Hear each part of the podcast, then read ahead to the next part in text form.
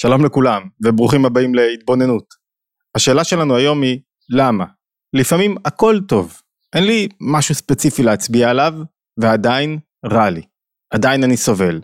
נכון, יש פעמים בחיים ויש תקופות בחיים שאנחנו פתאום מתמודדים עם דברים לא כל כך טובים. החיים לא מאירים לנו פנים, לפחות כך זה נראה לנו ב- ב- ברגע ההתמודדות. החיים מלאי צער, קשיים, התמודדויות. וזה דורש מאיתנו ככה להפשיל שרוולים ולהיות מסוגלים להתמודד. יש תקופות כאלה בחיים, פתאום משבר כלכלי, פתאום פיטרו אותי מהעבודה, פתאום משהו קרה חס ושלום במשפחה, יש איזו התמודדות, אבל יש פעמים, והייתי מהמר שהם הרוב, שהכל באמת טוב. אני לא יכול לשים את האצבע על משהו לא טוב, העבודה הולכת בסדר וההכנסות בסדר והכל נראה כמו שצריך ואנחנו משלמים את המשכנתה, הילדים בסדר, אין איזה בעיה דרמטית, תמיד יש איזה משהו קטן, איזה עניין, אבל זה לא משהו מספיק משמעותי כדי להשתלט לי על מצב הרוח ועל המצב הנפשי שלי, ודווקא זכיתי לאיזה קידום והיחסים בבית בסדר, אי אפשר להגיד שזה משהו לא טוב, אני יודע, חסרה לי איזה... אבל סך הכל הכל בסדר, סך הכל יש לי על מה להודות, לקום בבוקר ולהיות שמח ואפילו לשפר את הדברים, להכניס בהם את המרכיב הנפשי המנטלי ולהפוך אותם לטובים יותר. וזה לא עובד. יש לי מעמד וכבוד ועדיין רע לי. מה זה רע לי? איך זה בא לידי ביטוי? לפעמים בקצת חרדות, לפעמים קצת כעסים, קצת דיכאון, קצת היעדר שמחה, קצת מצבי רוח, קצת התפרצויות על הילדים, קצת אופניקיות, כל אחד ומבנה האישיות שלו, זאת אומרת הרע החוסר, אמ, חוסר שביעות רצון, חוסר סיפוק, חוסר, כשאני סובל קצת, בא לידי ביטוי באופן שונה, לפי מבנה האישיות של כל אחד מאיתנו. למה זה קורה? זו השאלה שלנו היום, למה זה קורה, חייבים להבין למה זה קורה כדי לדעת איך להתמודד עם זה.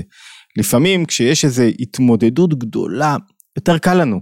כי אנחנו יודעים יש פה עכשיו, יש משימה, צריך עכשיו, איך אמרנו, להפשיל שרוולים, צריכים להתמודד עם המשימה הזאת.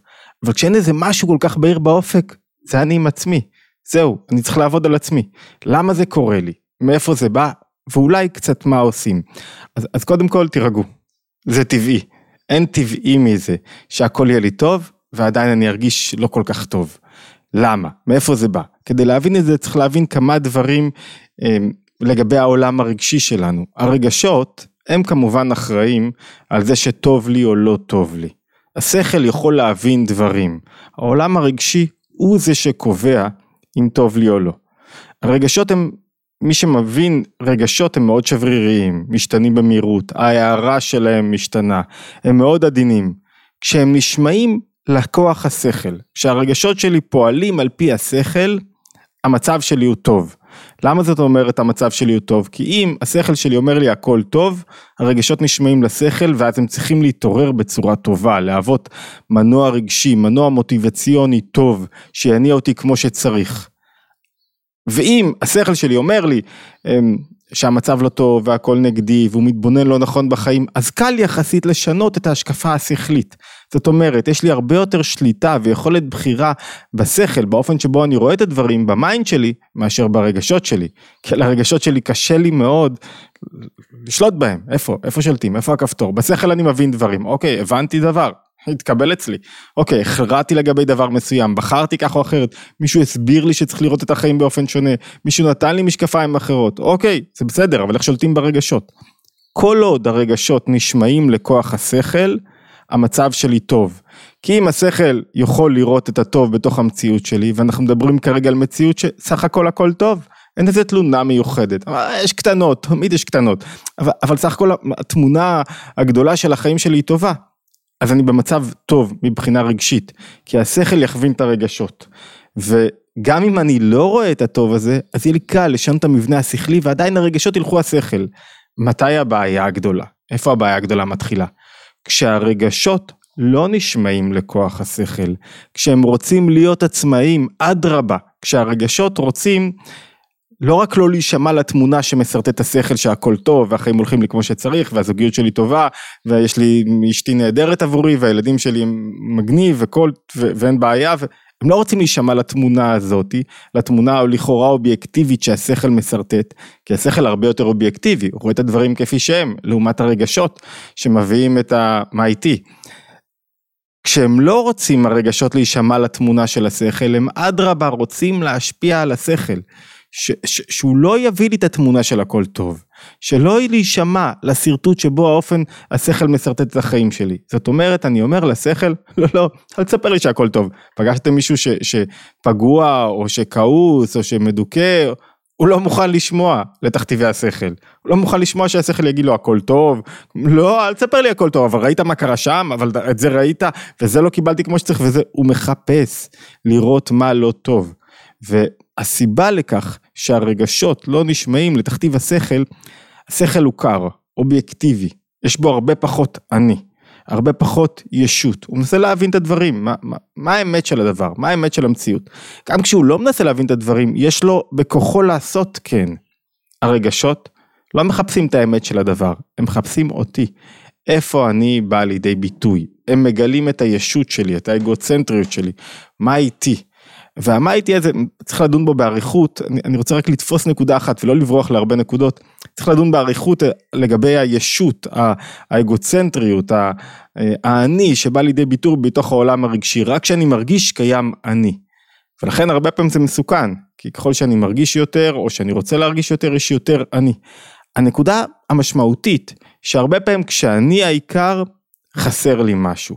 אני רוצה עוד משהו, כשהרגשות דומיננטיים, אני מסכם את זה רגע במילה כדי שזה יהיה ברור, כשהרגשות דומיננטיים, והם לא רק שלא נשמעים לכל השכל, הם רוצים להכתיב לשכל איך לחשוב, יש שם הרבה ישות, הרבה אני, שמה שמוביל את האני הזה או מה שמאפיין אותו זה חיסרון. זאת אומרת, אני רוצה משהו יותר. אם יש לי כסף, אני רוצה משמעות. אם יש לי משמעות, אני רוצה יותר הערכה. אם יש לי הערכה, אני חסרה לי אהבה. תמיד חסר לי משהו, חסר לי אהבה, חסר לי משמעות, חסר לי, משהו חסר לי בתוך המציאות הזה, חסר לי, חסר לי יותר, חסר לי אימוש פוטנציאל, הכל טוב, מה חסר לך אימוש פוטנציאל? חסר לי משהו שהייתי יכול להיות, זה אני, אני הייתי יכול להיות יותר, אני הייתי יכול להשיג יותר, אני הייתי צריך להיות במקום ההוא, לי היו יכולים להיות חיים טובים יותר, ויש לך חיים טובים, אתה לא מצליח לראות את זה, לי הייתי יכול להיות שם, משהו, משהו איפשהו חסר לי, וזה לא בהכרח דבר גשמי, אלא הרבה פעמים דבר רוחני, נפשי, יש איזה חיסרון, יש איזה... אה, איזה משל מאוד יפה של רבי נחמן שאומר שהיצר הרע, אולי אני אצטט לכם אותו בלשונו, דומה למי שהולך בין בני אדם וידו סגורה. ואין האדם, האנשים שהוא מלך ביניהם, יודע מה בתוכה. הוא מרמה ושואל כל אחד, מה אני אוחז ביד שלי? ולכל אחד נדמה שהוא אוחז את מה שהוא מתאווה אליו. כאילו, היצר הרע הולך, אני עכשיו רוצה כבוד, זה מה שחסר לי, אז אני הולך אחרי היצר הרע, זה הביטוי לחיסרון שלי. ועל כן הכל רצים אחריו. ואם אני רוצה משמעות, חסר לי משמעות בחיים. ואם אני מרגיש שאני, אין, הרי מאיפה נובע הרע לי? אני... אני לא מספיק. כשאני בביטול, בתנועה של להיעדר, כשהרגשות לא דומיננטיים בנפש שלי, זאת אומרת, יש לי רגשות טובים, יש לי מנוע אנרגטי חזק, אבל הם לא מנוע שמתפשט ומשתלט לי על הנפש, זאת אומרת, המנוע האנרגטי הזה לא שם אותי במרכז, מה איתי? מה, תחשבו על מישהו שעמד עכשיו על מופע, שהשיג איזה הישג, שהתפרסם במהירות, הוא נשבר לחלקיקים. למה גדולים סובלים מיותר דיכאונות? כי הוא פתאום נחשף והגיע למקום שהוא כאילו, מה איתי? האני הזה, אני קיבלתי המון כבוד, המון הערכה, המון פרסום.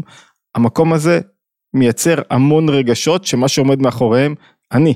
והרגשות האלה בדרך כלל יבואו לידי ביטוי בהרבה דיכאון, הרבה חרדה, הרבה פחד, בלאבד את המקום. לא משנה ההסברים, האני הזה שמתפשט על כל התמונה, הוא מקור הסבל.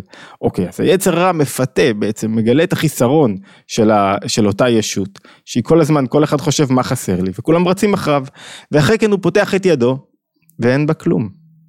כי אתה לא יכול לממש את החסרונות הללו.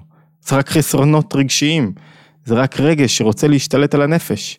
ככה יצר הרע מרמה את כל העולם, והכל רצים אחריו, הוא מרמה לכל אחד, עד שנדמה לו כאילו יש בידו משהו חפץ לפי תאוותו. וכשפתוח ידו אין בה כלום כי אין מי שימלא את אהבתו. המקום היחיד שבו אני יכול להיות מלא זה רק כשאני עובד מבחינה רגשית. ומשלים רבי נחמן ואומר כל הקולות שבעולם כולם מן החסרונות הם באים כי כל אחד ואחד צועק על חסרונו על מה שנראה לו כשחסר לו.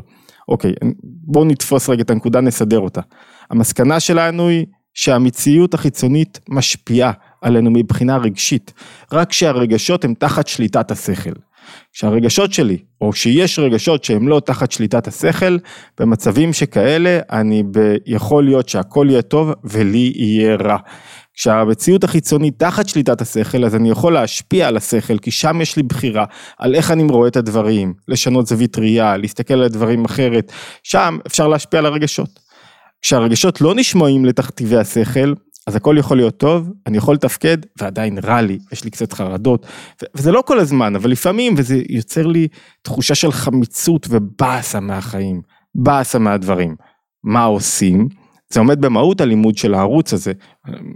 זה מה שאנחנו עושים בעיקר, לומדים איך לעבוד על העולם הרגשי שלנו במנותק, באופן שהוא לא תלוי, שהוא לא נשמע לתכתיבי העולם, אלא שהעולם הרגשי שלי, השמחה שלי וההתעוררות החיובית שלי, לא תלויים במה שאני חווה מבחוץ, במה שאני בעל הבית על העולם הרגשי שלי. אבל יש כמה, בקצרה נגיד, יש כמה מסלולי עבודה, כמו עבודה על המחשבות, איך שאני רואה את, איך שאני חושב, עבודה על בניית משמעות, עבודה על... ביטול הישות שלי וקבלת עול שאני שליח לדבר מסוים, ריכוך הרגשות על ידי עבודה שכלית. אני לא רוצה להרחיב פה בסרטון הזה איך אנחנו הופכים כי זה לא הנושא, ש... זה חלק מהנושא אבל זה לא העיקר, הלמה הוא העיקר. זאת אומרת הלמה המשימה המרכזית זה להחזיר את הרגש הרע לי תחת שליטת השכל. שאני אוכל להסתכל, להתבונן בדברים ולהגיד בואנה בעצם טוב לי. בואנה בעצם אני מעריך ואני כל כך אוהב את אשתי וכל כך אוהב את הילדים ואני מתחיל להתרגש מהחיים. אבל כדי לעבור את התהליך הזה, את כל המסלולים שהזכרנו במילה וכל אחד מהם יש בו עשרות טכניקות ו- ועבודה סזיפית צריך לזכור דבר אחד. אשתי היא מטפלת רגשית, אלופה, ממש, אני לא אומר את זה כדי, ו- ועובדת עם נשים כמובן, רק עם נשים, והיא, והרבה פעמים בשיחת פתיחה היא אומרת למי שבא אליה ומי שמדברת איתה, תשמעי, אני יכולה להסביר לך איך עושים, מה עיקר העבודה, בסוף העבודה היא שלך. אם את מחפשת מישהי שתוציא אותך לגמרי, כאילו שאת לא יכולה, לך שום מטלה ומישהו רק יוציא אותך, זה לא יכול לקרות. בסוף תמיד העבודה היא שלך או שלך. תמיד העבודה היא עצמית, וחייבים להביא את העבודה הזאת לשולחן. אתה יכול ללמוד, להבין את עצמך, ללמוד את הטכניקות, ללמוד מה אתה צריך לעשות, לראות כלים, להבין רגע את המבנה של, ה, של, ה, של השכל שולט על, על רגשות ואיך, מה קורה ברגע האמת, לפענח רגעים מסוימים בתוך היום שבהם רע לי, להבין למה רע לי ואיך אני משנה את זה, לפענח רגע התמודדויות או אינטראקציות עם אנשים שלכאורה מורידה אותי, להבין את זה, לברר את זה, לראות מה החלופה ולעשות שינוי לחלופה הזאת, אבל העבודה היא בסוף שלך. אין כזה דבר, אי אפשר לזרוק את העבודה, אומר את זה רבי נחמן, אה, אומר את זה אדמו"ר הזקן, סליחה, בפרק ל' בתניא. אחד המשפטים המונומנטליים שהוא מנסה להסביר לנו כמה זה, מה נדרש, והנה באמת שהיא מלחמה גדולה ועצומה.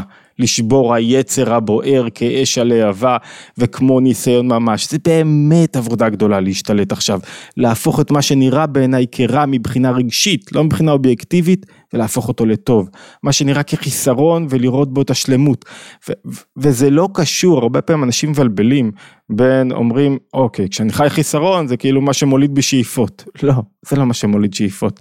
שאיפות זה האופן שבו אני רוצה לגלות נכון. דווקא כשמישהו רע לו, או כשהוא מגלה חסרונות שמשפיעים עליו מבחינה רגשית, לא כשהוא רוצה להוביל את המציאות למקום מסוים, ליצור משהו חדש, לכתוב משהו חדש, אז דווקא העולם הרגשי שלא פועל אצלו נכון, יכבה אותו, ימנע ממנו את היצירה. כשמישהו בדיכאון, הוא יכתוב ספר, הוא יעשה עסקה חדשה, הוא יעבוד יותר, לא, פחות. כשמישהו בכעסים הוא יצליח עכשיו ליצור אינטראקציות ולבנות מערכות יחסים ולשפר את העולם העסקי שלו ולשפר את המקום העבודה שלו? לא, פחות.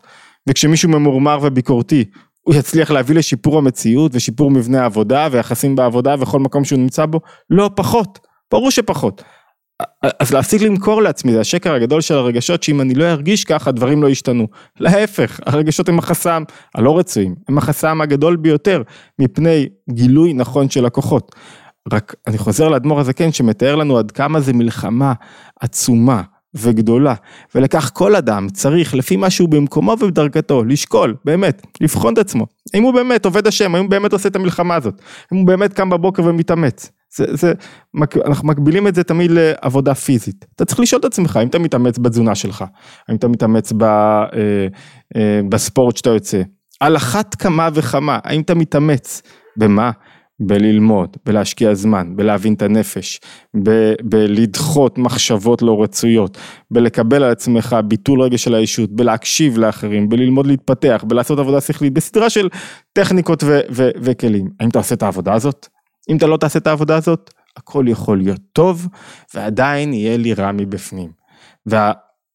והחיובי וה- שכשעושים את העבודה הזאת, השכר שלה הוא כל כך גדול, והרווח שלה הוא כל כך גדול, והחיים הם לא רק מכלול ההישגים החיצוניים שהבאתי, אלא החיים הופכים להיות החיים עכשיו, ופתאום החיים מתמלאים בשמחה גדולה, ובהערה, ובחיות, ובקבלה, ו- ולא בתחושת חיסרון מתמיד. הרבה פעמים אדם שמלמד את עצמו להיות בחיסרון, הוא רואה בכל דבר את החיסרון. כל דבר לא טוב לו, אז במדינה רע, רע, רע, רע, ובבית הילדים רע, רע, רע, ובאשתי זה, לאט לאט זה מתפתח אצלו, ואז מה שהכל טוב כלפי חוץ, הופך להיות גם באמת רע, כי הוא לאט לאט מחריב לו את כל המערכות יחסים, ואת כל מבנה החיים שלו, ואיך שהוא רואה את הדברים. כשאדם מלמד את עצמו לעורר את עצמו רגשית, אתה יודע שיש דברים לתקן, תמיד יש דברים לתקן, תמיד יש מה לעשות, אבל הוא לא בא לתיקון בתנועה של אוף איזה באסה עכשיו אני צריך להחליף עבודה, איזה, אלא באיזה הזדמנויות יש לי, איזה כיף. וכל זה מתחיל מהעבודה על העולם הרגשי. זאת אומרת, שאם אנחנו משנים רגע את מבנה ההסתכלות, במקום להגיד לעצמי, אוי בוא נשיג מטרה ואני צריך בשביל זה רגשות טובים, בואו נשיג רגשות טובים, נלמד, נלמד את עצמנו איך לראות את הכל טוב, להשליט את הרגשות תחת משטר השכל, שהשכל מבקש אה, להרכיב משקפיים חיוביות למציאות, ואז ממילא אני הרבה יותר אצליח בכל מה שאני עושה. הרגשות הם המנוע, בלי המנוע שיעבוד כמו שצריך, גם ההישגים שלי יהיו פחות עוצמתיים. אוקיי, אני חושב שדקרנו את הנקודה, אנחנו, אני מזכיר תמיד, יש לנו סדרה של, אה, מגוון של סדרות שעוסקות הרבה פעמים באיך משליטים את השכל, את הרגש תחת השכל. זאת אומרת, השכל הוא מורה הדרך, הוא מכווין, אבל הוא לא מספיק חזק כדי לצעוק על כולם, כדי בואו תקשיבו לי. אם לא באים להקשיב לו, קשה לו מאוד, הוא הופך להיות חלש. ולכן צריכים לחזק אותו ולהחליש מעט את הרגשות הלא רצויים שמשרטטים לי את הרע, ואז בהדרגה פתאום האדם מתחיל להרגיש טוב, וטוב לו במציאות שלו וטוב לו בחייו. אוקיי, התבוננות יומית מוזמנים להצטרף לערוץ שלנו, אמרת, לא אמרתי, וכמובן להצטרף לקבוצות הוואטסאפ, יש קבוצות וואטסאפ, כל יום פחות או יותר נשלח עדכון לגבי הוידאו היומי והרבה תוכניות ואירועים שאנחנו משתתפים בהם כל הזמן, שבוע הבא נהיה באילת בכמה הרצאות ובכנס אילת החמישי לעסקים, נפתח את האירוע עם להבין מהו הערך הפנימי שלי בתוך העסק ואיך אני אה, הופך את העסק שלי לדבר חווייתי, דבר שהוא גם פורץ גבולות בעסקים ומשיג יותר בעסקים שלי וכולי, מגוון של הרצאות שכולם קשורים לתורת הנפש, להשתמע בהתבוננות היומית הבאה.